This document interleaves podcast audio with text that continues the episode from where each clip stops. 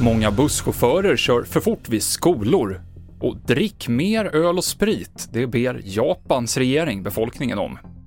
Men TV4-nyheterna börjar med att berätta att en tonårsflicka är allvarligt skadad efter en trafikolycka utanför Ljungby tidigt i morse. Bilen hon satt i körde av vägen efter att polisen försökt stoppa den. Den 17-åriga föraren sprang därifrån och kunde gripas, men en av de två passagerarna fick allvarliga skador, uppger Region Jönköping.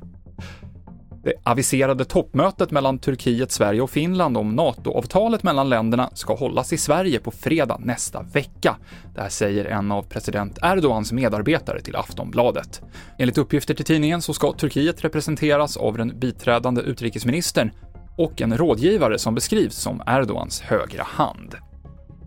Åtta av tio bussar kör för fort utanför skolor, visar försäkringsbolaget Folksams mätning. Man har låtit mäta hastigheten som yrkeschaufförer håller på 30-vägar utanför flera skolor i Stockholmsområdet. Varje kilometer i timmen man kör för fort det påverkar väldigt mycket olycksutfallet och framförallt utanför skolor där det är mycket barn och andra oskyddade trafikanter som färdas eh, så ökas ju skaderisken markant för dem med högre hastigheter.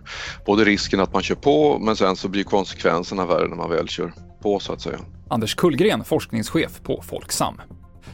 Det föddes ovanligt få barn i Sverige de första sex månaderna i år. 54 560 nyfödda är den lägsta siffran sedan 2006 enligt SCB. Egentligen är det här fortsättningen på en långtgående trend, men under coronapandemin så har det varit en uppgång i barnafödandet. Och Japans regering vill öka drickandet i landet. Alkoholkonsumtionen har sjunkit sedan 90-talet från 100 liter till 75 liter per person och år. Därmed har även skatteintäkterna minskat rejält.